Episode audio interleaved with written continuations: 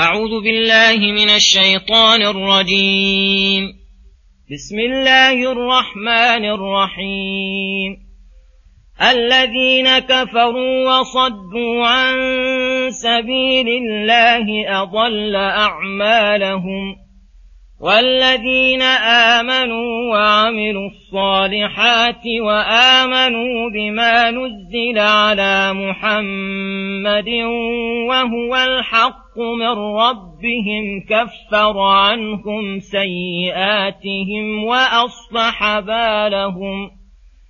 ذلك بأن الذين كفروا اتبعوا الباطل وأن الذين آمنوا اتبعوا الحق من ربهم كذلك يضرب الله للناس أمثالهم فإذا لقيتم الذين كفروا فضرب الرقاب حتى إذا أثخنتموهم فشدوا الوثاق فشدوا الوثاق فإما منا بعد وإما فداء حتى تضع الحرب أوزارها.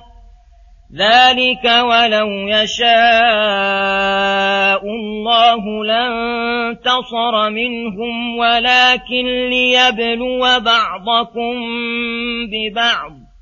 والذين قتلوا في سبيل الله فلن يضل أعمالهم سيهديهم ويصلح بالهم ويدخلهم الجنة عرفها لهم يا أيها الذين آمنوا إن تنصروا الله ينصركم ويثبت أقدامكم والذين كفروا فتعسا لهم وأضل أعمالهم ذلك بأنهم كرهوا ما أنزل الله فأحبط أعمالهم. بسم الله الرحمن الرحيم. السلام عليكم ورحمة الله وبركاته. يقول الله سبحانه الذين كفروا وصدوا عن سبيل الله أضل أعمالهم. هذه الآيات مشتملات على ذكر ثواب المؤمنين وعقاب العاصين. والسبب في ذلك دعوة الخلق إلى الاعتبار بذلك فقال الذين كفروا وصدوا عن سبيل الله وهؤلاء رؤساء الكفر وأئمة الضلال الذين جمعوا بين الكفر بالله وآياته والصد لأنفسهم وغيرهم عن سبيل الله التي هي الإيمان بما دعت إليه الرسل وأتباعه. فهؤلاء ضل الله أعمالهم أي أبطلها وأشقاهم بسببها وهذا يشمل أعمالهم التي عملوها ليكيدوا بها الحق وأولياء الله. إن الله جعل كيدهم في نحورهم. فلم يدركوا مما قصدوا شيئا. وأعمالهم التي يرجون أن يثابوا عليها. إن الله سيحبطها عليهم. والسبب في ذلك أنهم اتبعوا الباطل. وهو كل غاية لا يراد بها وجه الله من عبادة الأصنام والأوثان. والأعمال التي في أصل الباطل لما كانت باطلة كانت الأعمال لأجلها باطلة. والذين آمنوا بما أنزل الله على رسله عموما وعلى محمد صلى الله عليه وسلم خصوصا وعملوا الصالحات. لأن قاموا بما عليه من حقوق الله وحقوق العباد الواجبة والمستحبة كفر الله عنهم سيئاتهم صغارها وكبارها. إذا كفرت سيئاتهم نجوا من عذاب الدنيا والآخرة وأصلح بالهم أي أصلح دينهم ودنياهم وقلوبهم وأعمالهم وأصلح ثوابهم بتنميته وتزكيته وأصلح جميع أحوالهم والسبب في ذلك أنهم اتبعوا الحق الذي هو الصدق واليقين وما اشتمل عليه هذا القرآن العظيم الصادر من ربهم الذي رباهم بنعمته ودبرهم بلطفه فرباهم تعالى بالحق فاتبعوه فصلحت أمورهم فلما كانت الغاية المقصودة لهم متعلقة بالحق المنسوب إلى الله الباقي الحق المبين كانت الوسيلة صالحة باقية باقيا ثوابها. كذلك يضرب الله للناس أمثالهم حيث بين لهم تعالى أهل الخير وأهل الشر وذكر لكل منهم صفة يعرفون بها يعرفون بها. ويتميزون ليهلك من هلك عن بينة ويحيى من حي عن بينة.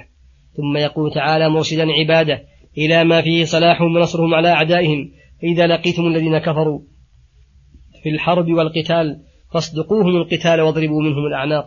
حتى إذا أثخنتموهم وكسرتم شوكتهم ورأيتم الأسرى ورأيتم الأسرى أولى وأصلح فشدوا الوثاق أي الرباط. وهذا احتياط لأسرهم لئلا يهربوا. فإذا اشتد منهم الوثاق اطمأن المسلمون من حربهم ومن شرهم. فإذا كانوا تحت أسرهم تحت أسركم فأنتم بالخيار بين المن عليهم وإطلاقهم بلا مال.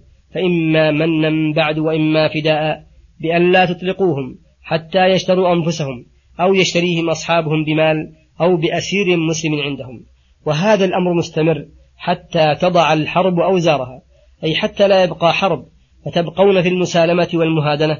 فإن لكل مقام مقالا ولكل حال حكما فالحال متقدمة إنما هي إذا كان قتال وحرب إذا كان في بعض الأوقات لا حرب فيه لسبب من أسباب فلا قتل ولا أسر ذلك الحكم المذكور في ابتلاء المؤمنين بالكافرين ومداولة الأيام بينهم وانتصار بعضهم على بعض ولو يشاء الله لانتصر منهم فإنه تعالى على كل شيء قدير وقادر على أن لا ينتصر الكفار في موضع واحد أبدا حتى يبيد المسلمون خضراءهم ولكن ليبلو بعضكم ببعض ليقوم سوق الجهاد وتتبين بذلك أحوال العباد الصادق من الكاذب وليؤمن من آمن إيمانا صحيحا. عن تبصرة لا إيمانا مبنيا على متابعة أهل الغلبة.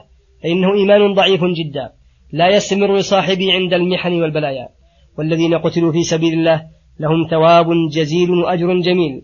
وهم الذين قاتلوا من أمروا بقتالهم. لتكون كلمة الله هي العليا فليضل الله أعمالهم.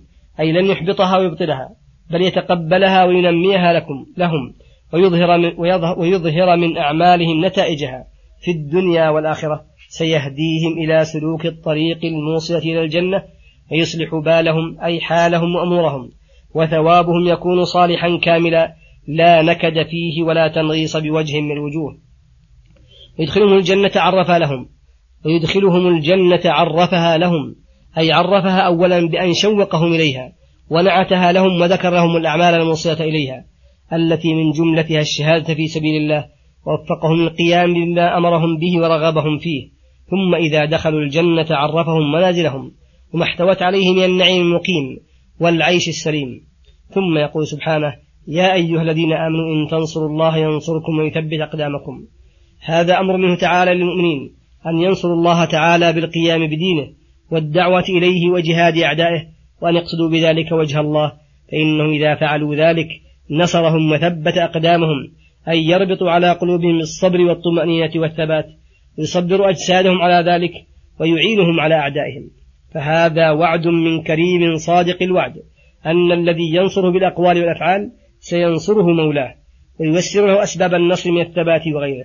وأما الذين كفروا بربهم ونصروا الباطل فتعسا لهم فإنهم في تعس أي انتكاس من أمرهم وخذلان وأضل أعمالهم أي أبطل أعمالهم التي يكيدون بها الحق.